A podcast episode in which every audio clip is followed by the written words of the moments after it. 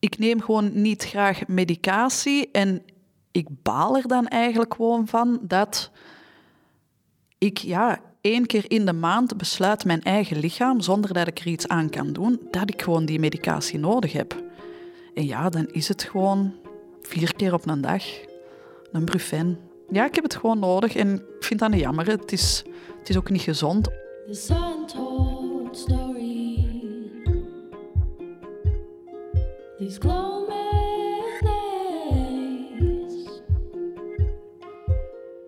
I've lost gravity, the sun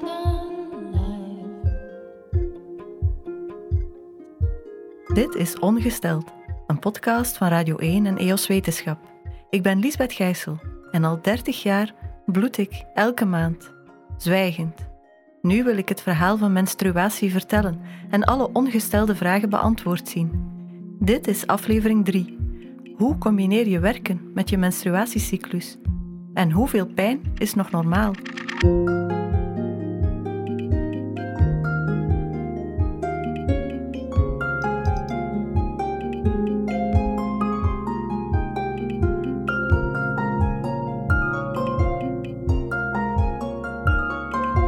Het is de nachtmerrie van elke vrouw. Een bloedvlek op je broek of rok terwijl je op het werk bent. Vies vinden de meeste mensen dat. Je kunt wel wegzinken van schaamte. Ik kan uit ervaring spreken. Soms gaat de tijd zo snel dat ik niet doorheb dat er weer vier weken voorbij zijn. En dan is het daar plotseling. Gelukkig woon ik vlakbij kantoor. Ik ben wel eens weggeslopen om snel andere kleren aan te gaan doen. Niemand die iets gemerkt had. Of dat dacht ik toch. Ook Babs kan erover meespreken. Ze is 39 en geeft les aan toekomstige verpleegsters en verplegers. Ze helpt hen ook bij een stage in het ziekenhuis. Tijdens de eerste dagen van haar menstruatie bloedt ze erg veel en dat kan heel vervelend zijn. Op dat moment ben ik lekker bezig en sta ik er niet bij stil van. Ten eerste, ik heb een wit uniform aan. Ten tweede, ik ben ongesteld. 1 plus 1 is 2, kan nare gevolgen geven. Dus ik heb het al gehad inderdaad, na een verzorging, dat ik naar het toilet wil gaan en dat ik het gewoon al voel wanneer ik aan het stappen ben van oh, ik ben iets vergeten. Ja, een rode vlek op een wit uniform zie je snel. Hè? Maar Babs is een open vrouw, zonder taboes. Ze koos dan ook voor de vlucht vooruit toen ze met bevlekt uniform terugkwam bij de student die ze op dat moment begeleidde. Als je er niet over spreekt, dan wordt die een olifant in de kamer alleen maar groter. Dus heb ik gezegd van ja, het is die tijd van de maand. Ze zei ja mevrouw, ik heb het gezien. Ik voelde niet superveel gêne, maar het is natuurlijk niet leuk. Hè? Ja, ik voel mij gewoon vies dan op dat moment zelf. Als ik niet lek, ik vind het gewoon een kliederboel. Ik voel mij onfris, hoe vaak dat, het, dat ik ook ga douchen. Ik merk wel van mezelf, wanneer dat het er zit aan te komen, dat ik een beetje lastiger word. En dat is dan niet de PMS of de hormonen, maar eerder dat ik denk van, oh, het zit er weer aan te komen ik ga weer zitten knoeien met een maandverband, met een tampon. De pijn gaat weer komen. De... Ik zie er dan tegenop als een berg. Is meer dat. De oorzaak van dat vele bloedverlies is bij Babs te zoeken in adenomiose. Bij adenomiose groeien cellen van het baarmoederslijmvlies in de spierlaag van de baarmoeder. Die cellen gaan tijdens de menstruatie bloeden en dat zorgt voor veel bloedverlies en ook voor pijn. Bij Babs werd het vastgesteld toen ze zwanger was van haar tweede kindje. Maar al sinds haar eerste bevalling voelde ze dat er van alles was veranderd. Mijn eerste maandstonden na die bevalling waren zo zwaar dat ik dacht van, my god, wat is deze? Dan heb ik zo'n, uh, je ziet reclame op de tv soms voor zo'n incontinent, voor dames die urine verliezen, dat ze een soort pamperbroekje aandoen dan. Ik heb dat echt moeten aandoen. Het was gewoon niet houdbaar. Vroeger, voor mijn zwangerschappen, voor mijn bevallingen, was het eigenlijk altijd de maandstonden die dat heel fel waren qua bloedverlies, had ik minder pijn. De maandstonden waar ik veel pijn had, had ik minder bloedverlies. Sinds mijn eerste bevalling is het en-en verhaal. Is het echt wel pijn en is het heel fel bloedverlies? En wat is dan abnormaal veel bloedverlies? Sommige mannen denken dat vrouwen bloeden als een rund, zoals de mannen van de NASA. In de jaren 80 ging de eerste vrouwelijke Amerikaanse astronaut de ruimte in. Ze kreeg net iets te veel tampons mee. Remember when NASA sent a woman to space for only six days and they gave her 100 tampons. 100 tampons.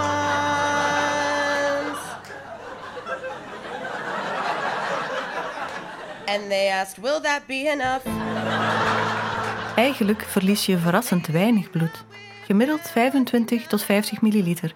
Dat zijn 2 tot 5 eetlepels. Moet je je tampon of maandverband vaker vervangen dan om de 2-3 uur, dan heb je veel bloedverlies. Zoals Babs. Dof is, als ik um, ga werken, heb ik dan een, een tampon in de zwaarste. En altijd ook een maandverband. Als ik ga slapen, is het beginnen een tampon, maar binnen de kortste keren is dat natuurlijk doordrenkt. En dan twee van de grootste maandverbanden op en naast en achter elkaar een beetje. Anders is het gegarandeerd een kliederboel.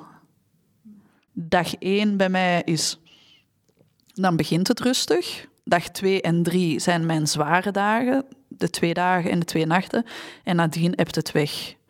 En daarvoor heb ik nu een beetje mijn routine die werkt. Mijn maandverbanden, mijn tampons, mijn pijnmedicatie, mijn kersenpittenkussentje. Je zoekt een beetje wat dat voor u werkt op dat moment. Hè? De meeste vrouwen hebben klachten tijdens de menstruatie. Uit een onderzoek dat de Nederlandse Radboud Universiteit uitvoerde, blijkt dat 85% van de vrouwen elke maand last heeft. Eén op de drie zegt haar dagelijkse taken, op het werk en thuis, niet echt goed te kunnen uitvoeren. Het gaat om een grote groep van 42.000 ondervraagde vrouwen.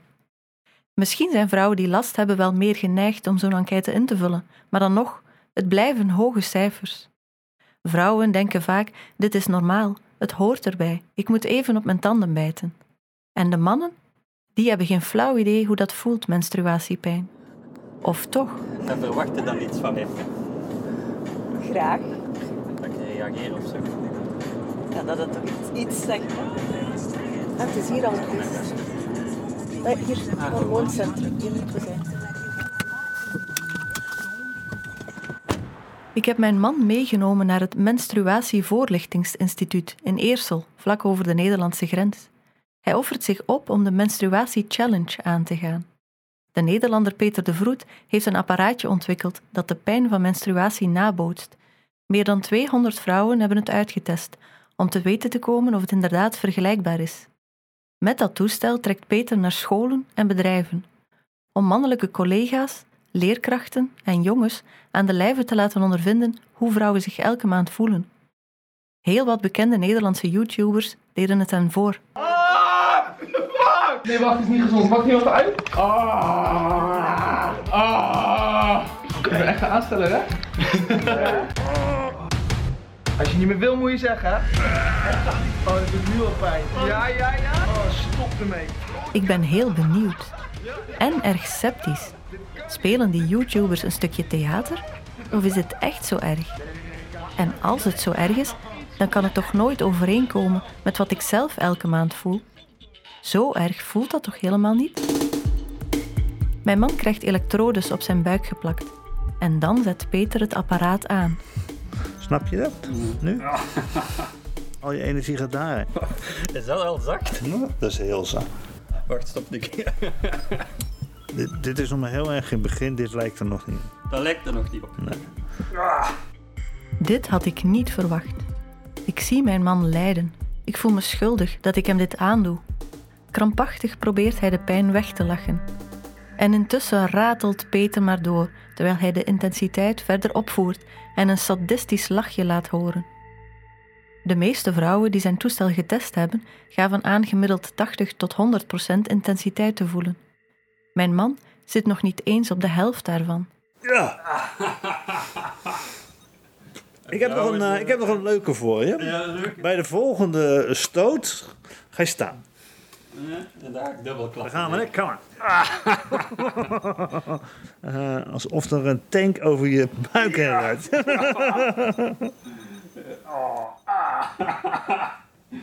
Kijk, nou wordt het leuk radio.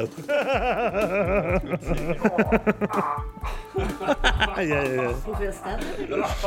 70 procent. Ik dacht al, het is terug verhoogd. Oeh, zo liggen denk ik. Hoe moet ik mij dat leggen? Ah, zo, in het fetishhouding. Dat is lastig zo. Nu ben je er. Nu ben ik er. Ja. Zet u op 100? Hij staat nu eh, op, eh, op datgene wat... eh zijn er genoeg die dat niet halen. maar je zit hier nu op handen, voeten, je hoofd Die helemaal foto's, rood. die komen Ja. niet toe. Ik kan alleen maar tot de conclusie komen dat de YouTubers niet overdreven hebben. Dit is echt vreselijk pijnlijk. Dat apparaat bootst volgens mij geen menstruatiepijn na, maar barensweeën. Er zit maar één ding op. Om te weten te komen of dit realistisch is of niet, moet ik het zelf ook proberen. En wat voelen? Nu niets, want er gebeurt nu. Je zit er tussenin, hè? Ja, nu voel ik die, die, die prikkels komen wel, hè. Inderdaad, ja. Ja, het is inderdaad vergelijkbaar. Ja. Grappig, hè? Ah, die staat al op 50% nu. Alright, dan valt mijn pijngrens wel mee eigenlijk. 70 procent. Ah, nu zitten we al op 70. Oké. Goed getraind. Frustrerend, hè? Dus het, Als is je- inderdaad, als je- als je het, zijn geen wezen. Nee, nee, Dat is heel nee, nee, nee, nee, nee. Nee, dan gaan we echt naar 400, 500. eh, Ja. ja. Mijn sepsis blijkt onterecht. Wat voor mijn man als extreem pijnlijk aanvoelt, voelt voor mij heel redelijk. Ik behoor gelukkig wel tot die groep vrouwen die weinig last heeft van buikpijn. Ik zou mezelf op 30% inschatten. Maar ik weet wel nog dat ik als tiener en twintiger op de eerste dag veel meer pijn had. Als mijn maandstonden s'nachts begonnen, werd ik wakker van de buikpijn en kon ik vaak niet meer in slaap geraken. Er zijn veel meisjes met pijn. Uit een onderzoek blijkt dat bijna de helft van de 13-jarige meisjes in Vlaanderen haar menstruatie pijnlijk vindt. Eén op de vier meisjes zegt dat ze op dat moment niet kan sporten of niet afspreekt met vrienden. Eén op de acht zegt zelfs van school thuis te blijven. Het uitstapje naar het voorlichtingsinstituut was zowel voor mijn man als voor mij een eye-opener. En wat denkt u nu? Hoe dat jullie zich voelen als Ja. vrouw. Dat is een uh, pijnlijke affaire zeker. Het is eigenlijk voor mij nu ook wel een bewustwording. Hè? Omdat ik zie dat jij daar zo vanaf ziet, dat ik denk van, is dat zo erg? Al ik bedoel, je normaliseert dat voor je eigen. Terwijl nu dat ik dat bij u gezien heb, denk ik wel van, Jezus. Ik ben een sterke vrouw. Nee, niet per se, maar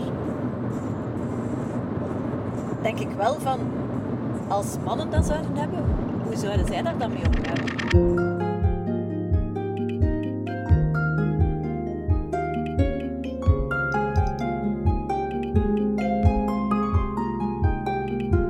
Bij mijn man duurde de marteling 20 minuten.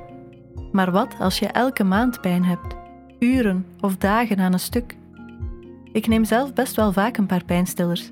Niet tegen de buikpijn, maar tegen hoofdpijn, die me zowat elke maand vlak voor mijn menstruatie overvalt. Bij Babs is het wel vooral buikpijn die elke maand komt opzetten. De pijn, dat kan ik ehm, managen door gewoon Brufen of, of paracetamol te nemen. Dus het is niet dat ik echt dubbel lig.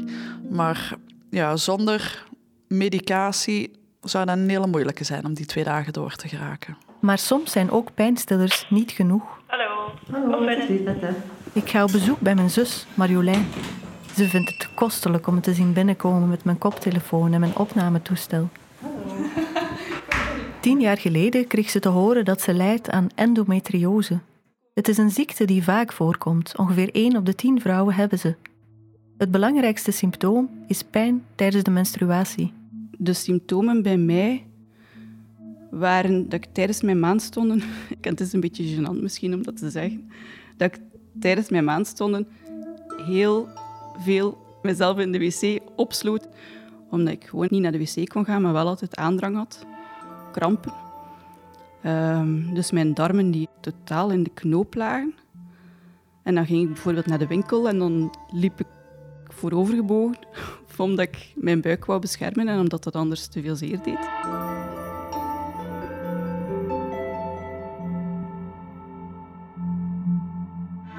Je kunt geen, geen plannen maken. Je, moet er gewoon van uitgaan van ja, dat kan mij lam leggen.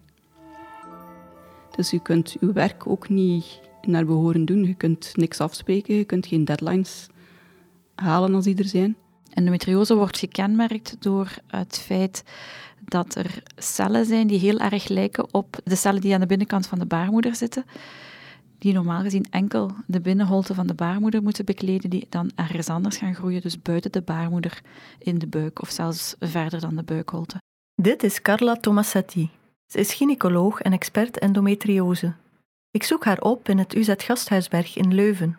Ze vertelt me dat die rondzwervende cellen kiestes of bolletjes vormen, die bijvoorbeeld op de eierstokken of de darmen gaan groeien. Het lichaam reageert daarop met een ontstekingsreactie en ook de zenuwen rond de letsels veranderen. En dat veroorzaakt de pijn van endometriose. Het meest actief uh, is een endometriose-letsel op het moment van de spontane menstruatie of ook in de fase daarna, waar dat het oestrogeenhormoon, hetgeen dat eigenlijk de brandstof is voor endometriose, waar dat, dat dominant is. Eigenlijk lijkt endometriose een beetje op adenomiose, wat Babs heeft. Maar bij endometriose groeien de cellen niet in de baarmoeder, maar erbuiten. De darmklachten waar Marjolein last van heeft, blijken naast de typische menstruatiepijn vaak voor te komen bij endometriose. Diarree, darmkrampen, constipatie.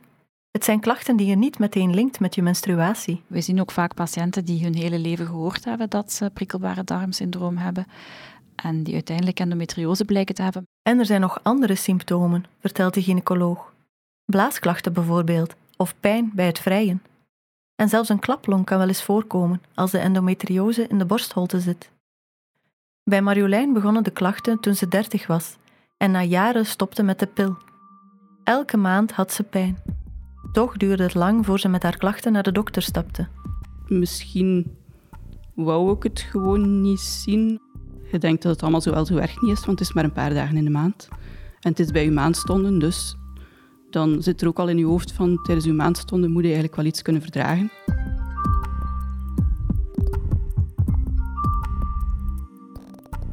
Maar het is vreemd hoe dat je daar zo aan went. En hoe dat je dat eigenlijk heel lang maar daarin meegaat en dat als, toch als gewoon blijft beschouwen.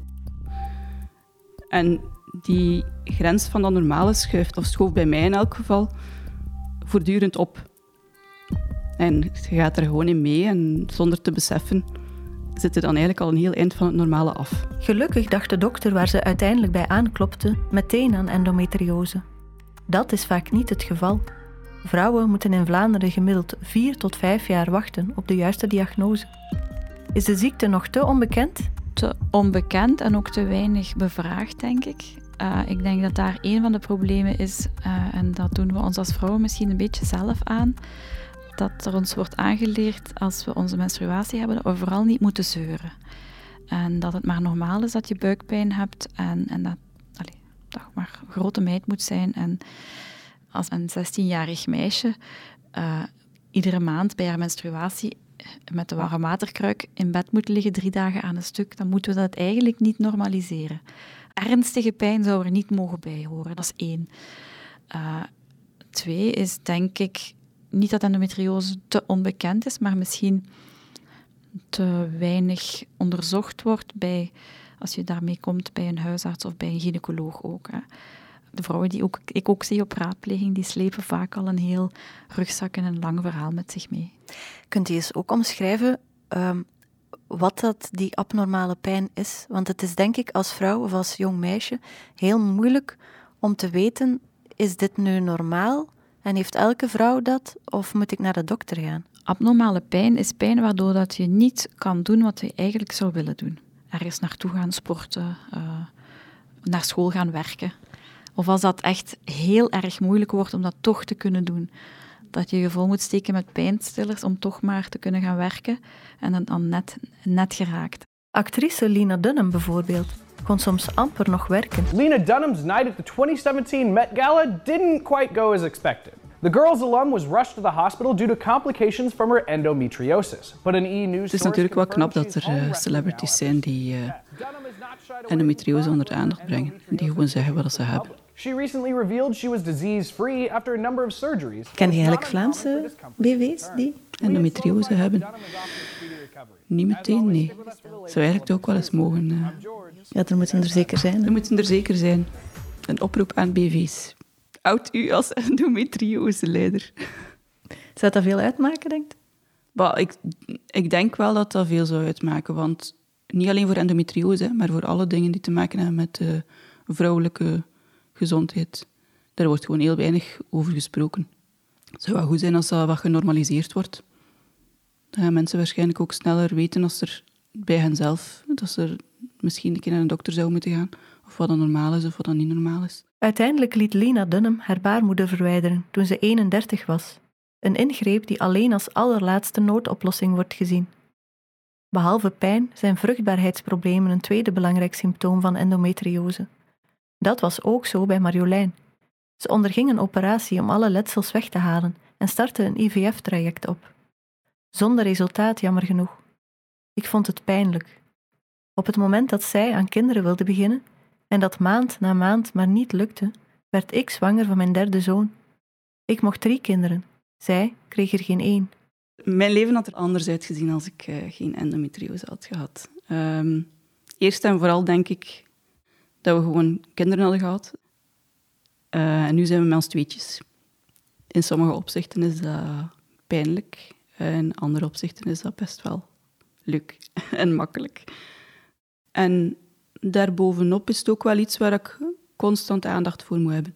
Hoe komt dat nu dat endometriose vaak gepaard gaat met onvruchtbaarheid? Het is niet omdat je endometriose hebt dat je altijd een probleem zal hebben om zwanger te worden. Dus het is niet zwart-wit. En er zijn ook verschillende redenen waarom um, endometriose um, verminderde vruchtbaarheid uh, veroorzaakt. Dat kan gaan van um, een mechanische reden, als de endometriose de eileiders stuk maakt en zorgt dat eicellen en zaadcellen niet meer met elkaar in contact kunnen komen, dan is dat een heel duidelijke verklaring waarom dat, dat leidt tot een verminderde vruchtbaarheid. Ook als er hele grote endometriosekisten in de eierstok zitten, die zorgen dat um, de voorraad eicellen bijvoorbeeld aangetast wordt, of die zorgen dat de ovulatie minder goed doorkomt, ja, dan is dat ook een reden um, rechts, die heel gemakkelijk te begrijpen is, die rechtstreeks verbonden is met, met minder zwanger worden. Maar er zijn ook nog andere minder duidelijke redenen, vermoedelijk op gebied van uh, kwaliteit van de eicellen bijvoorbeeld, of op gebied van innestelingsfunctie van de baarmoeder, die ook minder goed zou kunnen zijn bij uh, vrouwen met endometriose. Bij Marjolein werden haar endometriose-letsels verwijderd tijdens een operatie. Dat is niet bij iedereen nodig. Als je geen kinderwens hebt, kunnen pijnstillers soms genoeg zijn, in combinatie met de pil. Die legt de cyclus stil en bij veel vrouwen groeien de letsels daardoor niet verder. Ook na een operatie ga je best aan de pil, want dan is het risico op nieuwe letsels kleiner. Dat verschil merkte Marjolein ook op. Zolang dat ik aan de pil zat, had ik nauwelijks last. Die pil onderdrukt alles. Um, ik moest ze doorpakken. Maar op een gegeven moment dacht ik van, ik ben al echt weer beu die pil. Ook, je hebt dan minder zin in seks, dat is ook niet zo leuk. Dus was ik kleine twee jaar geleden gestopt met de pil. Dat heeft een aantal maanden heel goed gegaan. Tijdens mijn maandstonden had ik wel veel last, dus ik zat dan wel aan de pijnstillers. Um, maar dat ging wel oké. Maar dan begon het weer erger te worden. En was dat eigenlijk s morgens direct een pijnstiller nemen. Um, en dan in de zetel gaan liggen en wachten totdat die pijnstiller aansloeg. En dan kon ik eigenlijk aan mijn dag beginnen. En s'nachts wakker worden van de pijn en nog een extra pijnstiller moeten nemen om drie uur s'nachts. En sindsdien zijn mijn darmen ook nog, ja, er eigenlijk nog veel erger aan toe. Waardoor ik dus wel weer naar de gynaecoloog ben gegaan en zij heeft me dan op een minipil gezet. Maar zelfs met die minipil heeft Marjolein nog steeds last van buikpijn. Het gaat met vallen en opstaan. Enkele maanden na ons gesprek vertelt ze me dat er misschien een nieuwe operatie zit aan te komen.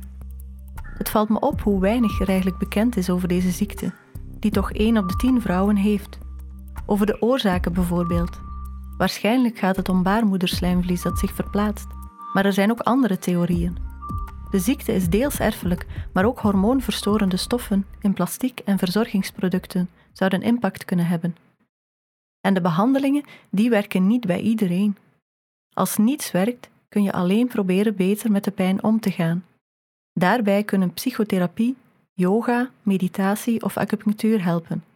En dat kan ook nuttig zijn voor alle vrouwen die een pijnlijke menstruatie hebben. Daar zijn zeker beperkte studies die gepubliceerd zijn omtrent yoga, acupunctuur, uh, van alles en nog wat, die die kleine groepjes aantonen dat er misschien wel een gunstig effect is. En als ehm, een yoga of een meditatie of, of acupunctuur u kan helpen om u zekerder en meer ontspannen te voelen als persoon, dan ga je ook beter bestand zijn tegen een bepaalde pijnervaring. Dan ga je die pijnervaring mogelijk uh, daar anders mee omgaan en uiteindelijk een minder sterke pijnervaring hebben.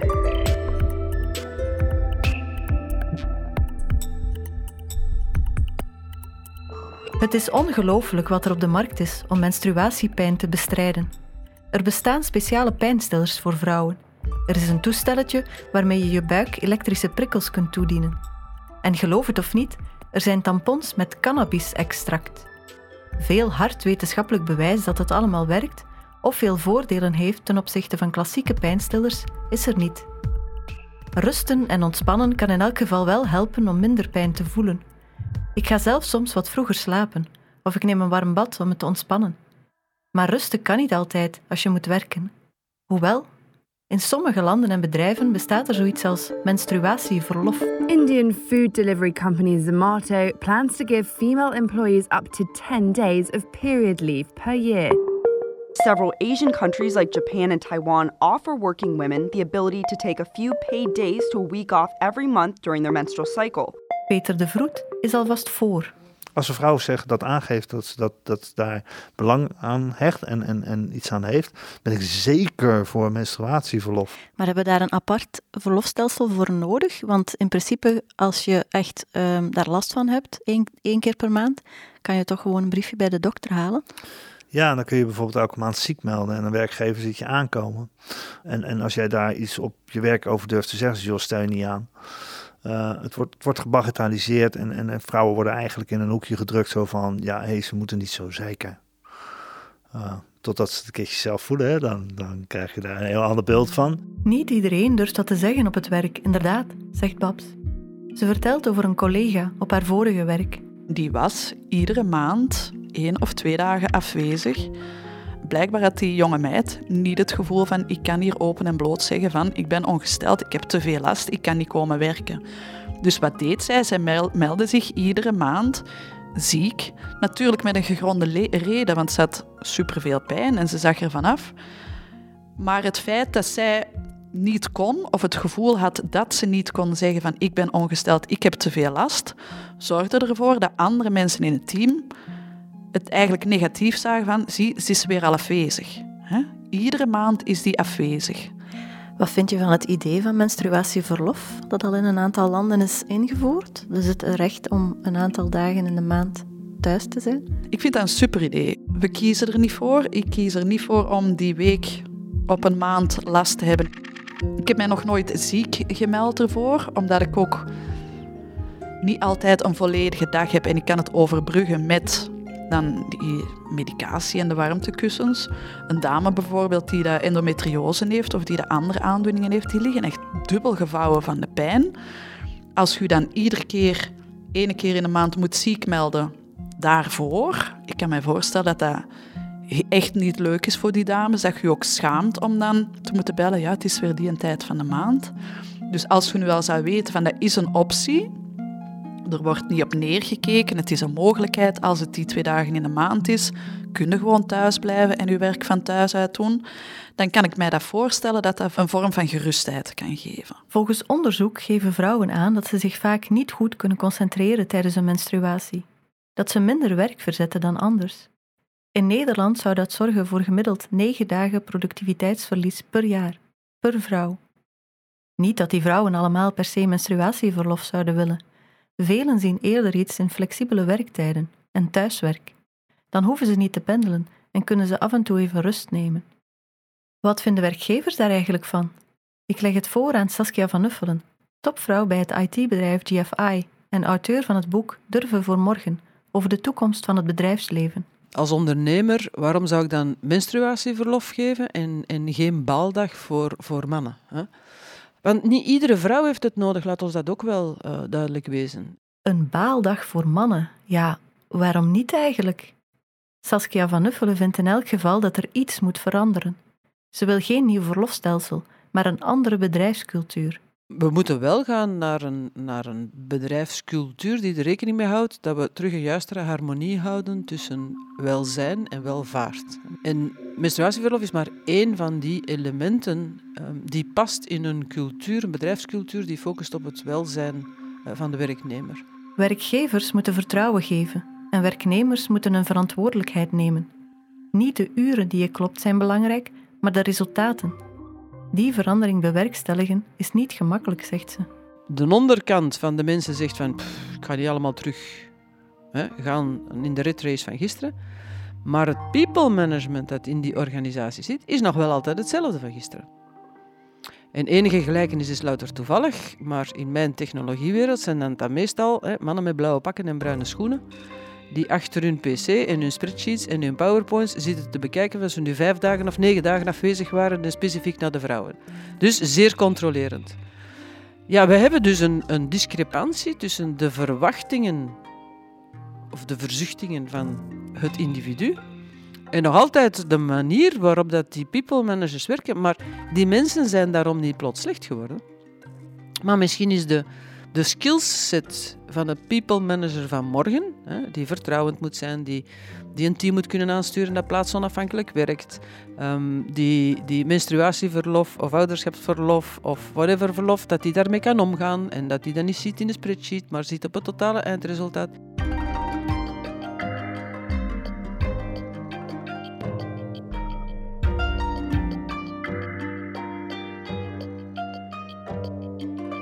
Meer flexibiliteit dus. Een systeem dat niet specifiek naar vrouwen en de menstruatie kijkt, maar ook naar andere noden, die voor iedereen verschillend kunnen zijn. Geen slecht idee, vind ik, want de invoering van menstruatieverlof kan ook negatieve kantjes hebben.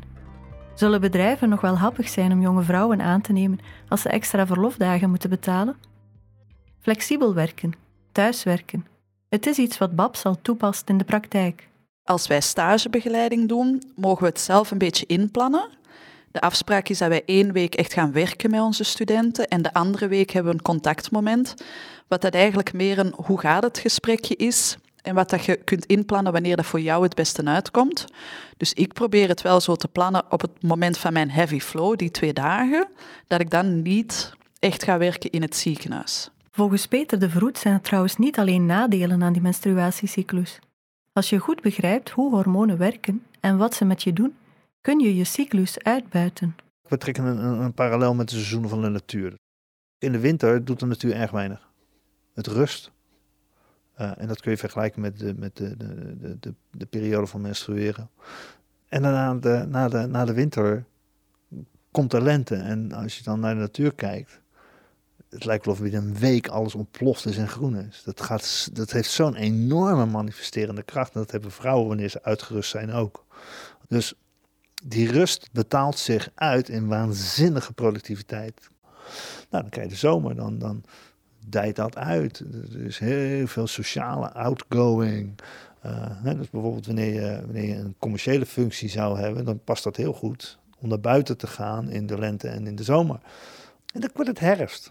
En herfst kan alle kanten op. Kan vriezen, dooien, waaien. De ene dag is het zonnig en de andere dag is het, is het koud en guur. Nou, dat hebben heel veel vrouwen ook. dan dalen die, die, die hormoonwaardes en dan, dan wordt het voor sommige vrouwen heel, heel, heel erg lastig. Omdat er geen, geen, geen alle logica is de deur uit, de humor is de deur uit. Beslissingen nemen valt dan heel erg tegen en moeilijk. Hormonen bepalen inderdaad veel van ons gedrag. Tijdens de cyclus is er een afwisseling tussen oestrogeen en progesteron. De periode voor en rond de ijsprong ben je vruchtbaar. Dan heeft het, evolutionair gezien, veel nut om er verleidelijk uit te zien. Je bruist van energie en levenslust, je hebt zin om veel mensen te zien. Na de ijsprong neemt progesteron het over van oestrogeen. Je komt in de premenstruele fase. Dan heb je minder energie. Je hebt weinig behoefte om mensen te zien je hebt vaak zin in chocola of frieten. Het is de periode waarin een prille zwangerschap kan ontstaan. Dan kan het nuttig zijn om het rustig aan te doen, je terug te trekken en wat extra calorieën in te slaan. Het is iets waar je weinig aan kunt doen, maar je kunt het misschien wel in je voordeel inzetten. En dat is iets wat Hannelore doet. Haar partner wilde graag zeilvakanties organiseren op de Middellandse Zee en nu hebben ze een eigen boot waar ze samen werken. Maar niet als ze ongesteld is, dan trekt ze zich bewust terug. Dat is iets wat ik nu veel vaker doe, dat ik mij gewoon een paar uur neerleg. Maar soms organiseer ik gewoon ook een retreat voor mezelf. Dan ga ik naar een buitenhuisje van een vriendin en dan blijf ik daar een week. En dan moet ik niks of niemand uh, tevreden stellen. En dan moet ik eigenlijk mij alleen bezighouden met mezelf en met rusten. Een retreat, je terugtrekken. Het doet me een beetje denken aan de menstruatiehutten uit aflevering 1, waar vrouwen zich gingen afzonderen van hun gezin. Die momenten van rust zijn voor Hannelore trouwens allesbehalve nutteloos. Ja, ik heb vastgesteld dat dat eigenlijk mijn meest creatieve fase is. Dat ik dan veel ideeën heb en ja, als ik maar stil genoeg ben, als ik mezelf maar uh, even halt toeroep, dan is het alleen opletten dat ik op dat moment niet direct in gang wil schieten. Of om dat niet direct te doen. Maar eigenlijk die ideeën te laten, misschien te noteren. En dan gewoon rustig te wachten tot die menstruatie zich voltrekt. En tot dan terug die energie begint te stromen, maar haar eigenlijk niet te rap uh, in gang te willen schieten. Dan denkt ze bijvoorbeeld aan haar droom om een voedselbos te planten in Frankrijk. Het uitvoeren van die plannen bewaart ze voor de energieke fase van haar cyclus, vlak na de menstruatie. Dat is bijvoorbeeld een moment waarop ik echt zal beginnen zoeken naar: oké, welke leveranciers zijn er voor bomen? Uh, waar kan ik dit soort boom vinden? Hoe zou ik kunnen beginnen uh, die boom vanuit zaad uh, te kweken, bijvoorbeeld? Dus dan wordt het eigenlijk heel concreet.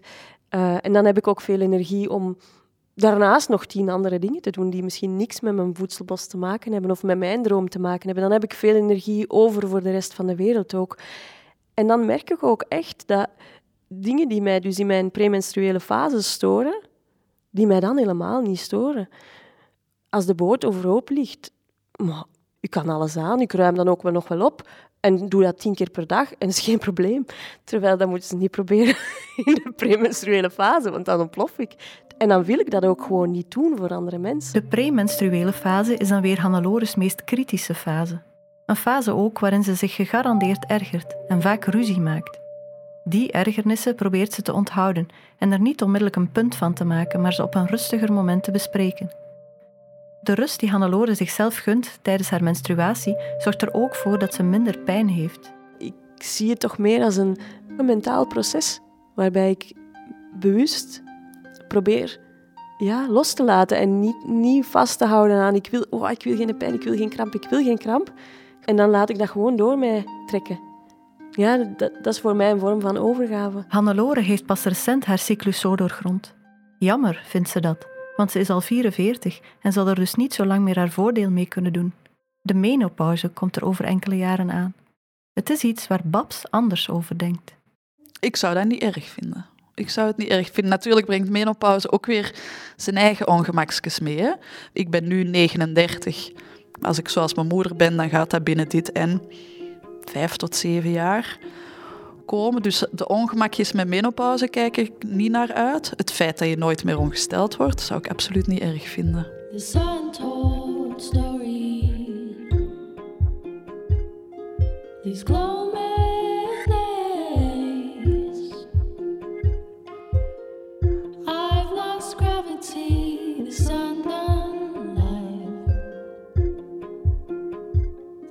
De menstruatie die het voor bekeken houdt. Daar wil ik het in de volgende aflevering over hebben. De overgang en de menopauze zijn wellicht een groter taboe dan menstruatie zelf. En er is veel onwetendheid. Vapeurs, ja, die kennen we, maar voor de rest? Ik vierde dit jaar mijn 43ste verjaardag. Om alles te weten te komen over wat me te wachten staat, ga ik onder meer praten met Annemie. Als ik bijvoorbeeld naar de yoga ging, begon ik ineens bij eenvoudige oefeningen, uh, zonnegroet bijvoorbeeld, dat ik ineens echt zo'n een zweetaanval kreeg. Dat ik dacht van, wat is dat? En het gekke is dat je dan ook nog niet, en ja, ik althans niet, direct de link legt naar van, oh ja, tuurlijk, dit is de overgang.